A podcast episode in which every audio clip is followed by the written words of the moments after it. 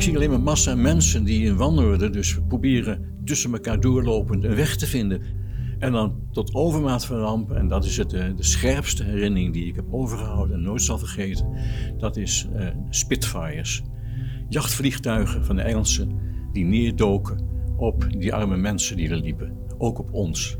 Want ze dachten dat het troepenbewegingen waren, die Engelsen. En daarom doken ze naar beneden en mitrailleerden voor mijn ogen tientallen mensen. Ja, als je dan eigenlijk uh, dode mensen op straat ziet, ja, dat is natuurlijk verschrikkelijk als een kind. Ja. Nee, in die villa hadden wij geen, geen warmte. We hadden, kregen dekens van het verzet. Elke nacht kwamen die drie mannen ons eten en drinken brengen. Want we konden natuurlijk niet de deur uit, dat kon dus niet. En dat heeft geduurd vanaf, nou ja, zeg maar uh, eind september tot 1 december. Toen zijn we verraden, vermoedelijk door buren.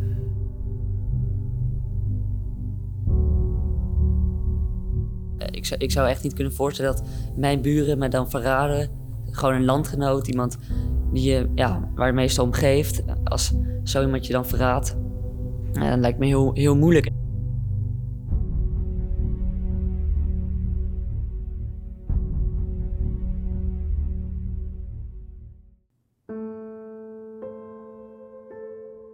Je luistert naar de podcastserie Ik Kom Terug, waarin je verhalen hoort van de ruim 100.000 mensen die de slag om Arnhem hebben meegemaakt.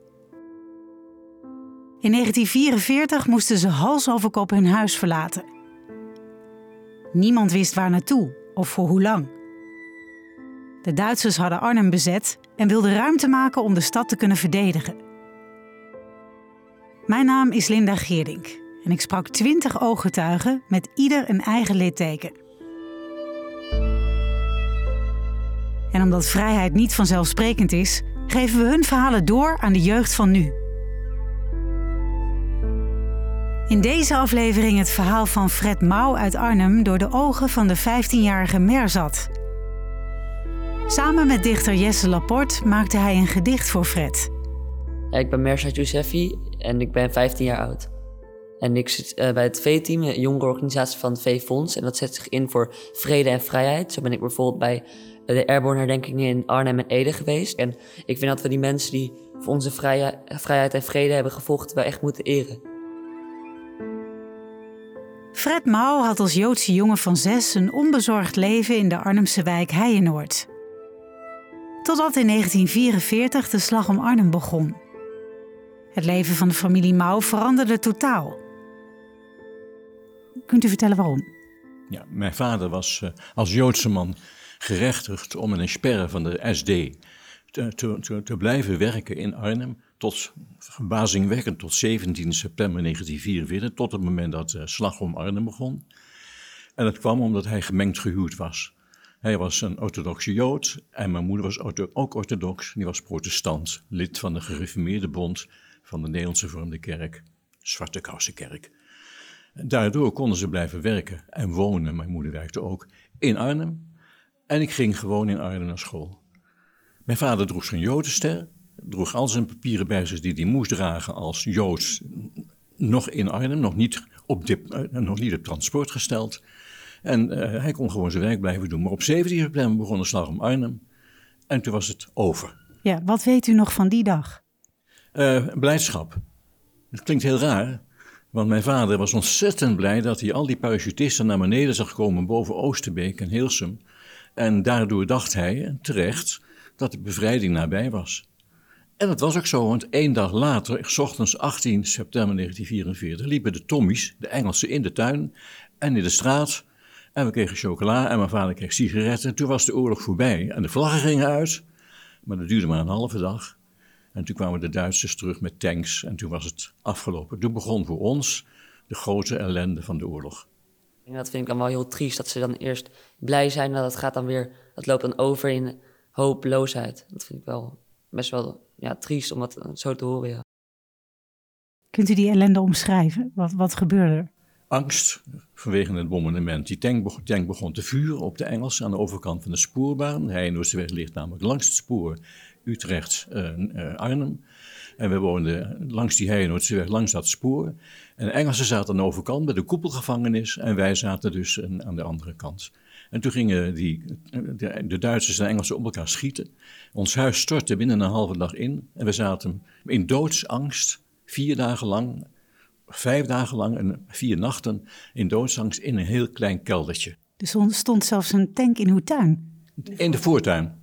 Bij ons in de voortuin. En omdat de Engelsen schoten op die tank, gingen de granaten dwars door ons huis heen. En daar heb ik ook een soort trauma van overgehouden. Dat geweld kan ik niet tegen. Ook niet op televisie. Films als uh, Schindler's List kan ik niet zien. Dat is allemaal met geweld en narigheid. Daar heb ik een trauma voor. Dus ik ga geweld uit de weg. Ja, als je dan hoort dat hij zegt dat hij niet tegen geweld... Dat hij dat niet meer kan aanzien, dan merk je wel echt dat, hij, dat je daar diepe trauma's aan overhoudt. En dat vind ik wel heel heftig om te horen. Dat, hij, dat er een tank voor zijn deur stond die kapotgeschoten werd. Op die leeftijd, om dat dan mee te maken ja, dan, moet, dan, moet je dan moet je dan wel echt diep bij blijven als je dat nu nog kan vertellen. Dus dat heeft wel diepe impact op hem gemaakt. De, en de, gevechten in en om het huis hebben ook plaatsgevonden. Het was één grote schrik, eh, een verschrikking gewoon. Het hele huis was weg en jullie zaten opgesloten in een kelder? In de kelder, ja. Puin voor de, de deur van de, ja, waar de kelder achter was. Dat was een kelderdeur onder de trap. Die was gebarricadeerd. We konden daar dus niet uit. En buren die ons misten, die hebben dus uh, puin kunnen wegruimen. Heel veel moeite. En toen zijn we dus bevrijd uit die kelder. En toen begon daarna een nog grotere ellende. En die zal ik ook mijn leven lang niet vergeten. De evacuatie van Arnhem. U moest spullen bij elkaar pakken? Heeft u iets er kunnen... Waren spullen, er was natuurlijk er waren geen meer. spullen. Wat we aan hadden in de kelder, dat bleef, dat bleef aan. En voor de rest was alles weg. Waar gingen jullie heen? Mijn oma, de moeder van mijn moeder, die woonde in Oosterbeek. Die stond plotseling voor ons neus. Die wilde weer weten hoe het met ons was afgelopen. En die zei tegen mijn vader: Ben, je moet je, je, je jodenster aftornen, weggooien. Je papieren weggooien. Door de slag om Arnhem ben je alles kwijt.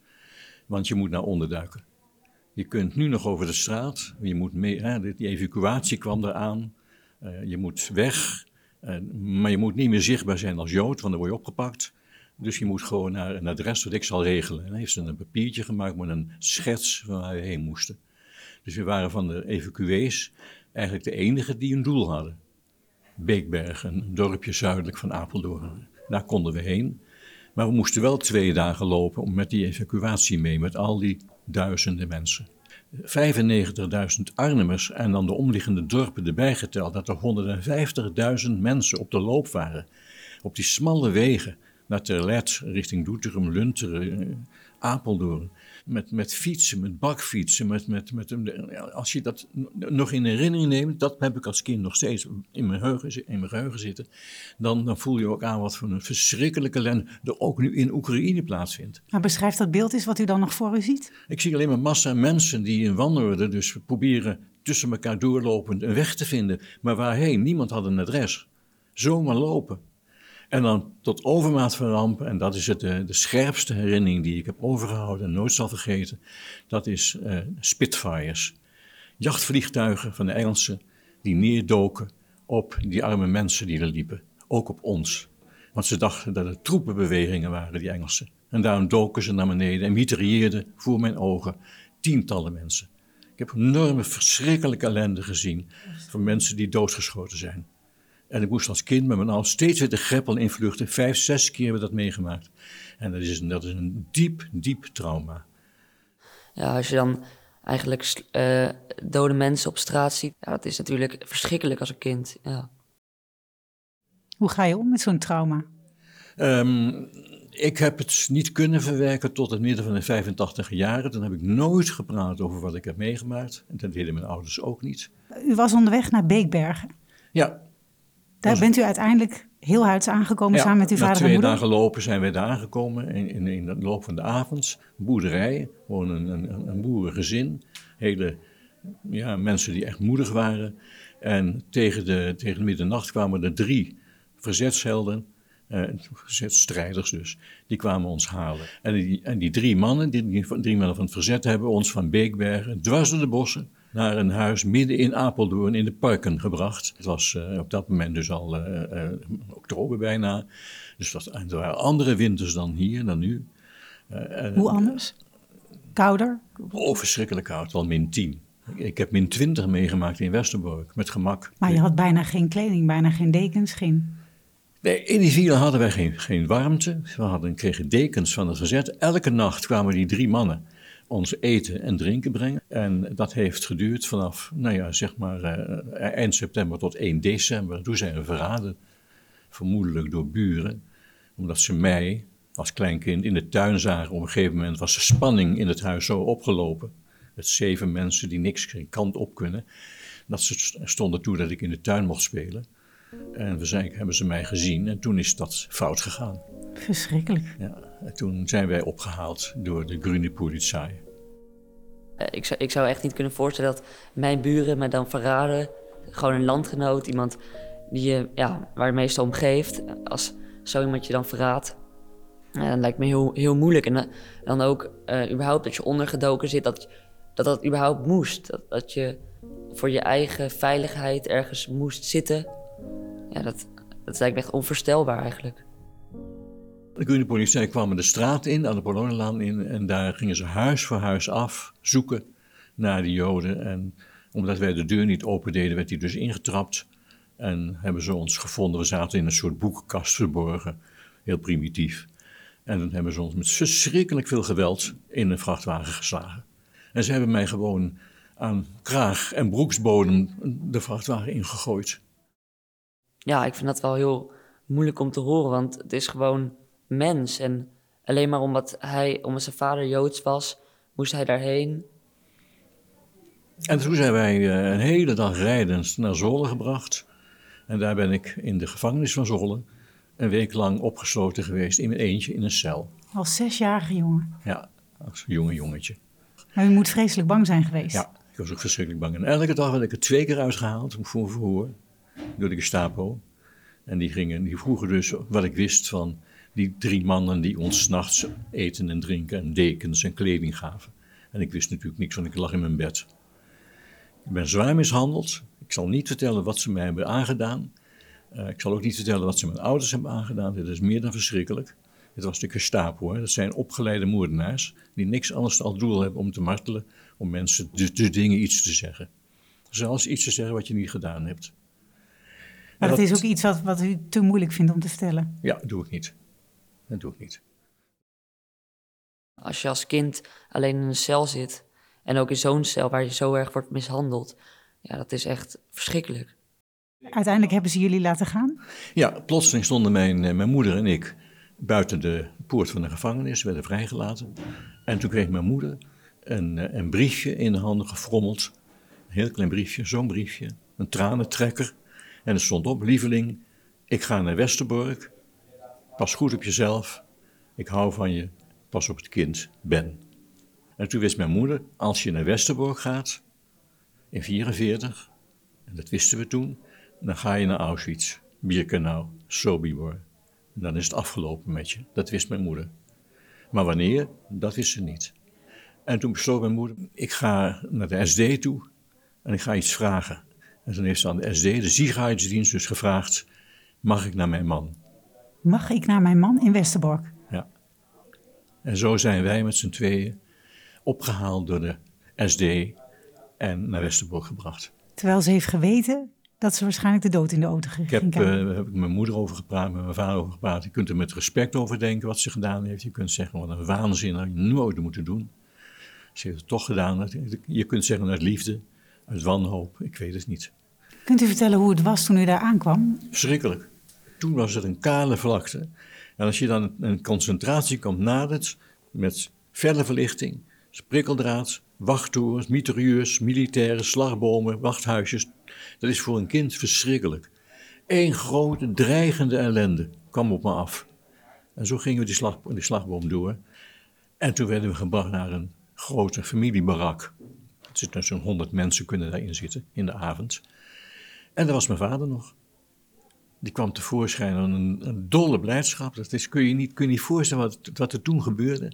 En, en toen waren we met z'n drieën weer bij elkaar. Ja, dat moet een geweldig moment ja, het was een geweldig moment. Ja, ja. ja, nog steeds een beetje een tranen trekken. Als je dat, als je dat in je hoofd hebt, dat je, hoe gelukkig je ouders dan weer zijn. En toen begon het kampleven. En Dat is natuurlijk ook een bijzonder leven geweest. En daar heb ik eh, eh, geen slechte herinneringen aan. Niet? Nee. Het, uh, het kamp was een, een, concentratiekamp, strenge bewaking, honden en toestanden, maar niet vervelend. Uh, we hadden goed te eten, redelijk te eten. Mijn moeder werkte in de keuken. Ze nam ondeugend als ze was regelmatig wat mee, extra's. Dus dat hadden we dus niet slecht. Maar hoe zag dat eruit in zo'n grote familiebarak? Kon je wel bij elkaar slapen? Sliep je met z'n drieën? Drie hoog. Ik, ik, sliep bovenin. En mijn vader in het midden, mijn moeder uh, laag. Drie, drie, en dan al, moet je indenken. Uh, zo'n honderd mensen in zo'n grote barak. Allemaal stapelbedden. Zand op de vloer, grote potkachel in het midden. Stenen, steenkoud. Verder niks. Ja, eigenlijk vind ik het wel opmerkelijk dat hij dan vertelt bijvoorbeeld dat hij het concentratiekamp niet eens zo heel erg vindt. Uh, maar, maar bijvoorbeeld, hij vertelt dat hij in zo'n um, kleine ruimte met zoveel mensen was. En ook in zijn verhaal um, dat hij had geschreven, stond ook dat eigenlijk bij elk kleinste gebaar kwam er dan al een conflict.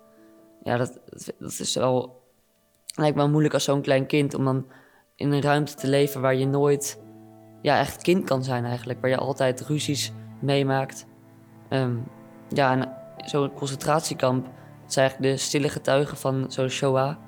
Dat, lijkt me heel, ja, heel, we hebben natuurlijk verhalen overal gehoord van Anne Frank is zo'n concentratiekamp. Ja, het is echt vreselijk. En overdag, ja, dan was je bezig. Mijn vader die werkte in barak nummer 56. Dat is een, een industriebarak. Wat deed hij daar? Batterijen uit elkaar pluizen, uh, motoren van vliegtuigen die neergezet waren, uh, ja, uit elkaar halen. Voor de oorlogsindustrie in Duitsland was dat bestemd. En wat deed u de hele dagen? Ik ging naar school. Er was een klasje van uh, twee, kind, twee, twee schoolklasjes en twee Joodse meesters. Die gaven ons gewoon, toen het heel goed, lagere school heette dat vroeger, groep 4 tot en met 8 nu. En dan hadden we gewoon les. En ik heb er hele goede vrienden en vriendinnen aan overgehouden. Nu nog steeds, heel dierbaar. Onder andere was dat Ed van Tijn. Maar ondertussen ging er iedere dag een trein naar Auschwitz. Zou dat kunnen? Er was de grote angst in, in Westerbork. Daar hadden we continu, was daar, werd er over gepraat. Uh, dat was, komt er nog een trein? En niemand wist dat op 13 september 1944 de laatste trein uh, naar Bergen-Belsen was vertrokken. Eén uh, trein daarvoor zat ook Anne Frank. En dus, dus, die laatste trein hebben wij niet meer meegemaakt. Maar we wisten ook niet dat, dat er nog een trein kon komen. Dat wisten we niet. Maar die angst was er dus wel, doorlopend. Nou, er werd ook gezegd, wat, wat, wat, denk je, zal er nog een trein komen? En dan wist je dus dat het afgelopen was. Elk transport gingen er ongeveer duizend mensen naar Auschwitz, Sobibor, Birkenau. En dus we waren nog met z'n duizenden. En Gemmeke, de kampcommandant, had besloten, het kamp moest opgeruimd worden. Dus die duizend mensen stonden eigenlijk in de wacht. Dat was bekend. Nou, dus die angst was er dus doorlopend. In mei 1945 kwam het meest verschrikkelijke bericht voor mijn ouders, voor vooral van mijn vader. Dat was het Rode Kruis, die verspreidde brieven in het kamp. En daar stond in wat er met je familie gebeurd was. En toen bleek dat uh, mijn, uh, mijn grootouders, ooms, neven en nichten, dus de ouders van mijn vader, allemaal omgebracht waren in Auschwitz, Birkenau, Sobibor en Ravensbrück. En dus met andere woorden, ik heb gisteren nog in een gastles verteld aan de kinderen, jullie waren allemaal een opa en een oma. Jullie hebben allemaal ooms, jullie hebben allemaal neven en nichten. En realiseer je, hier zit een man die heeft geen familie. Ik heb nooit zoiets beleefd. Ik ken geen familie. Ik heb nu wel mijn vrouw. Ik heb twee schatten van kinderen en drie kleinkinderen. En dat is het. Verder heb ik niks. Het is echt schrikbarend om dat te horen. En ook als kind weer te horen dat een heel groot deel van je familie is vermoord. Alleen om wie ze om, alleen omdat ze Joods waren en niet om wie ze echt als mens waren. Dat is moeilijk. Die Duitsers waren niets ontziend. Ze hadden respectloze figuren, die, die, die schoten erop los als nodig. Er zijn natuurlijk in Westerbork heel veel mensen doodgeschoten, die probeerden te ontvluchten. Er is ook een crematorium geweest, als afgebroken. Zijn ook heel veel mensen zijn er gecremeerd daar die daar het leven hebben gelaten. Dus het is, het is niet zomaar een kamp geweest, het is gewoon een concentratiekamp geweest. Er zijn in totaal 6 miljoen Joden vermoord. En als je voor elk omgekomen Jood een minuut stilte neemt, zal de stilte 11,5 jaar duren. Nu bent u in staat om er heel goed over te vertellen. Dat doet u nog steeds in Westerbork. Ook heel bijzonder dat u dat doet. Ja, eigenlijk. Heeft u dat nooit moeilijk gevonden? Ja, in het begin wel. Ik ben natuurlijk, dat was het verhaal waar ik zei, we hebben tot, tot de 80, de midden van de 80 jaar, die heb ik niet gepraat. Maar toen was mijn vrouw het een keer zat. Ze vond het ontzettend moeilijk dat ik, dat ik er niet over praatte, dat ik over wilde praten. Ook mijn vrienden en kennissen wisten niet eens dat ik in een kamp had gezeten. Mijn compagnons binnen de zaak waar ik heb gewerkt, al die jaren lang, hebben het nooit geweten. Maar waarom vond zij dat zo moeilijk? Omdat ze zag dat het u dwars zat? Of Ja, ja, ja. Op welke manier uitte zich dat? Somberheid.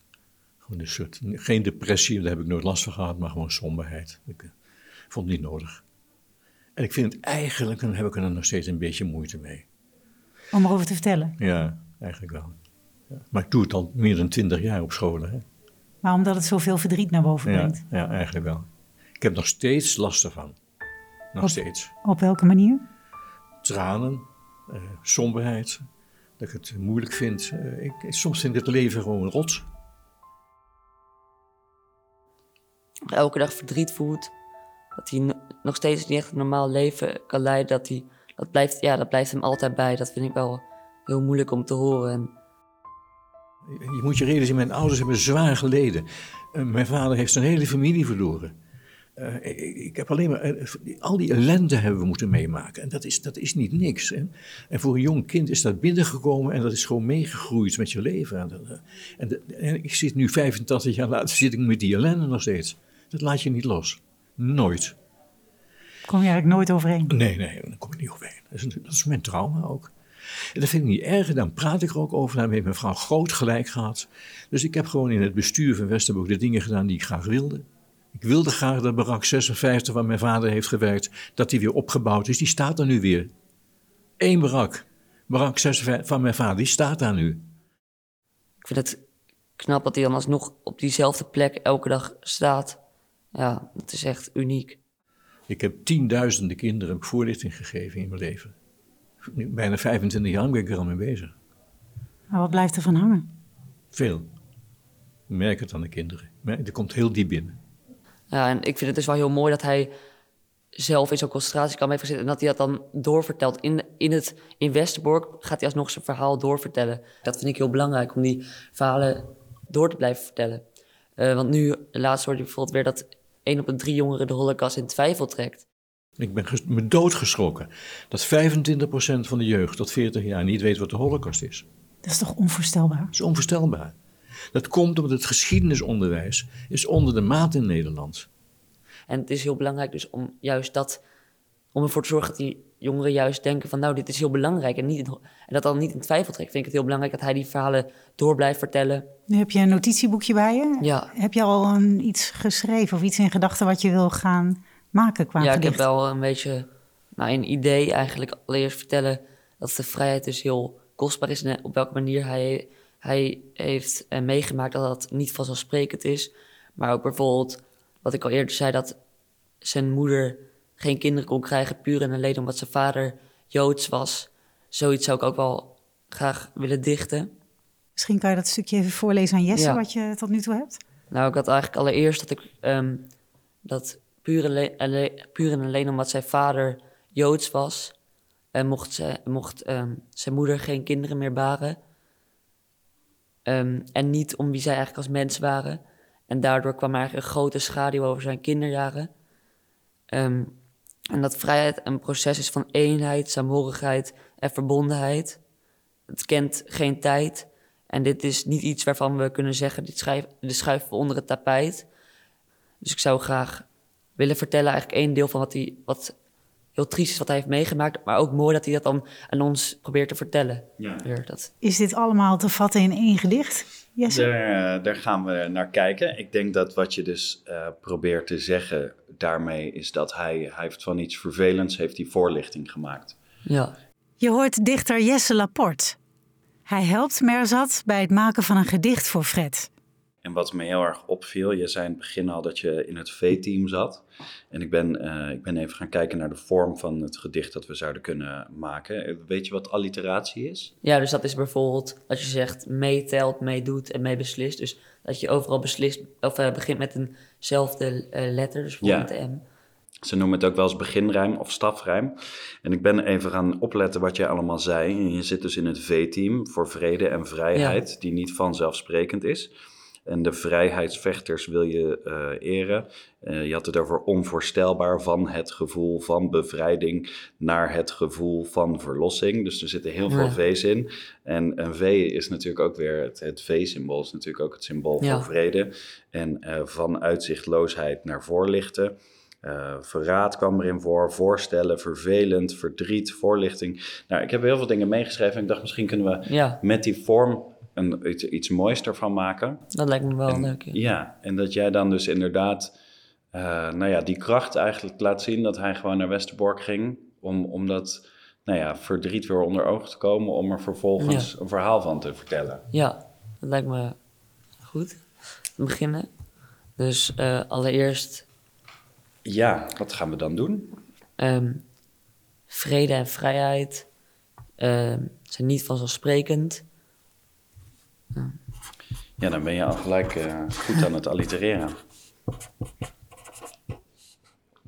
Eh, vrede en vrijheid zijn niet vanzelfsprekend, zoals te horen in eh, uw verhaal. Weer met een V. Ja, Dus je, dit vind ik ook wel mooi. Je, je schrijft het gedicht nu als het ware aan hem. ja, Ja, mooi.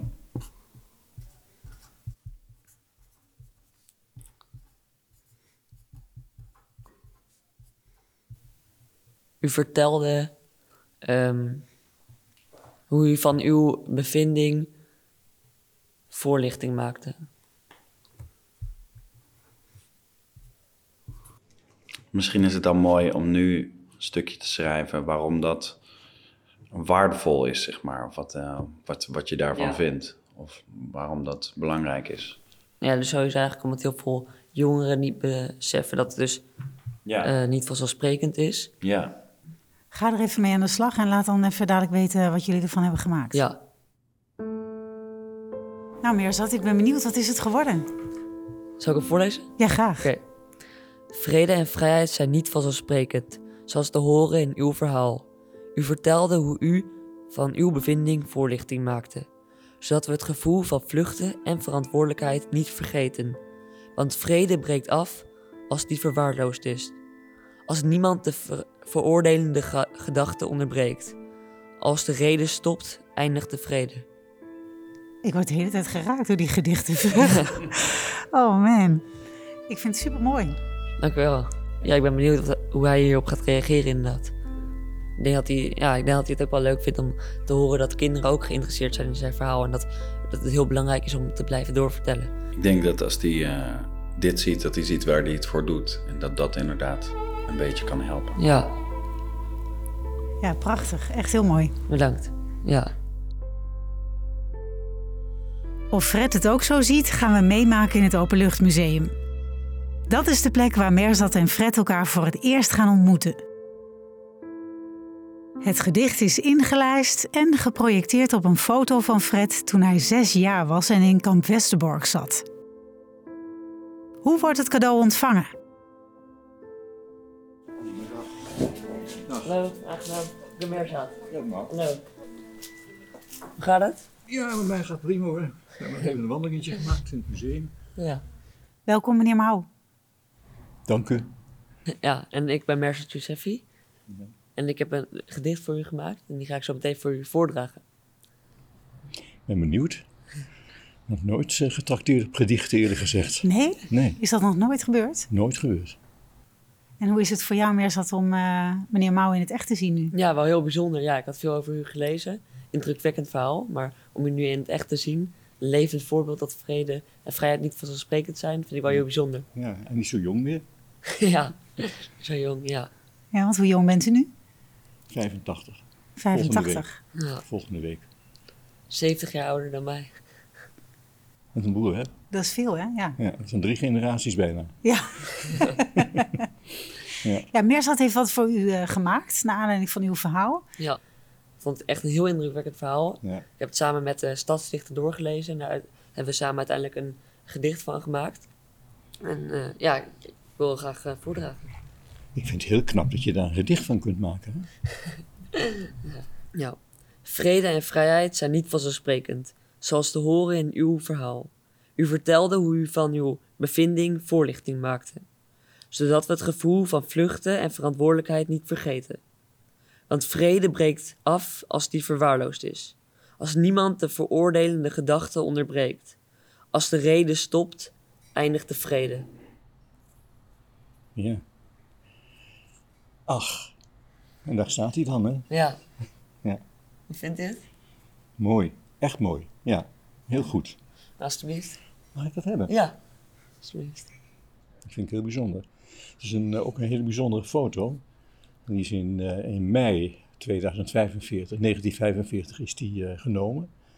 Het kamp was al toen bevrijd, Westerbork. En hier staat de moeder, die ik dus ken, althans de dochter ervan. Mevrouw Dresden heet ze. En hier staat een, eh, een mevrouw, die heet nu Eva Weil, dat is een jong kind. Ik sta er dus als jong kind bij. En hier staat haar zusje. En die waren allemaal dus eh, met elkaar aan het spelen in het kamp. Er waren dertig kinderen in het kamp. En die, eh, die vonden elkaar dus met, met de spelletjes van toen. Hè, tollen en voetballen en krijgertjes spelen. En verstoppertjes spelen in het kamp. Er waren echt veel gangetjes tussen al die barakken in. En dit is voor mij een hele dierbare foto. Die is pas geleden, een jaar geleden ongeveer, opgedoken. Toen belde Westerbork me op van, we sturen jou een foto toe. Kun jij dat jongetje herkennen? Het gedicht is nu op die foto geprojecteerd. Ja, ik vind het heel mooi eigenlijk. Ja, Alsjeblieft. ja. Ja. zeer bedankt. Ja, Alsjeblieft. erg fijn dit. Ik heb dit gedicht eigenlijk ook geschreven omdat ik het heel belangrijk vind dat deze verhalen van u en van andere mensen die het hebben meegemaakt eigenlijk doorverteld worden. Ja. Omdat we dus ook zien dat Ja. nou één op de vier jongeren twijfel trekt. En als we deze verhalen door blijven vertellen, dan denk ik dat we dat historisch besef toch wel weer krijgen. En dat we niet meer in twijfel trekken. Want het ergst, in het ergste geval, als we het in twijfel trekken, bestaat het gevaar dat we weer een nieuwe etnische of religieuze minderheid Ja. gaan uitsluiten. Omdat we het gevoel van verantwoordelijkheid opzij schuiven. En ik vind het heel belangrijk om dit dan door te blijven vertellen. Ik vind dat je het heel goed ziet. Ik vind ook dat je dat. eh, dat je, ik vind je erg wijs, wist je dat? Dat je daar zo over nadenkt. Ik, eh, dat maak je niet veel mee hoor. Omdat ik erg veel kinderen voor mijn neus zie in die, school, in in die klasse. En dan krijg ik ook vragen. Nou, die zijn soms. die lijken nergens op. Maar zoals jij daar zou zitten. Prima. Prima. Ja, Maar misschien is het een idee om een keer samen voorlichting te geven. dat kan. Ik, eh, als ik Westerbork benader, dat is voor mij een, eh, heel makkelijk. Dan, kun, dan kan er iets georganiseerd worden. Absoluut. Het zou leuk zijn, ja. moet je een soort duo gastles geven. En dat is heel goed te doen. Even wat met elkaar afspreken wie wat doet. Ja. Doen? Ja, Ja? Ik ga het regelen. Mooi mannen. ja. Dank jullie wel. Bedankt. Maak Geen een. Ik eh, vond het heel bijzonder. Ja, ik ook. Ja, ik vond het heel bijzonder. Je luisterde naar de podcastserie Ik Kom Terug. Wil je meer evacuatieverhalen horen? Luister dan hier naar andere indrukwekkende herinneringen. Zo ook het verhaal van Thea Bouwhuis. Tijdens de evacuatie vluchtte Thea als 13-jarig meisje van Arnhem naar Velp. Zij was 13 toen ze moest vluchten en kwam in mei 1945 met een trauma terug in een verwoeste stad. En ik was als de dood voor uitgebrande huizen. En nu kwam ik in Arnhem en ik zag niet anders. Het waren net spoken. De verhalen van ooggetuigen worden steeds zeldzamer. Deel daarom deze podcast, zodat iedereen hoort dat vrijheid niet vanzelfsprekend is. Deze podcastserie is mogelijk gemaakt dankzij de samenwerking tussen Airborne Museum Hartenstein, het Nederlands Openluchtmuseum, de Airborne Region, Bureau Kessel en de NOW Foundation. Met steun van provincie Gelderland, Programma Vrijheid, Gemeente Arnhem, VSB-fonds en het V-fonds. De redactie werd gedaan door Marieke van Kessel. De montage lag in handen van Linda Geerdink. En de eindmix deed Peter Kluiver. Wij hopen natuurlijk dat veel mensen gaan luisteren en daarvoor helpt het wanneer je een recensie achterlaat bij Spotify of Springcast. Graag tot de volgende aflevering.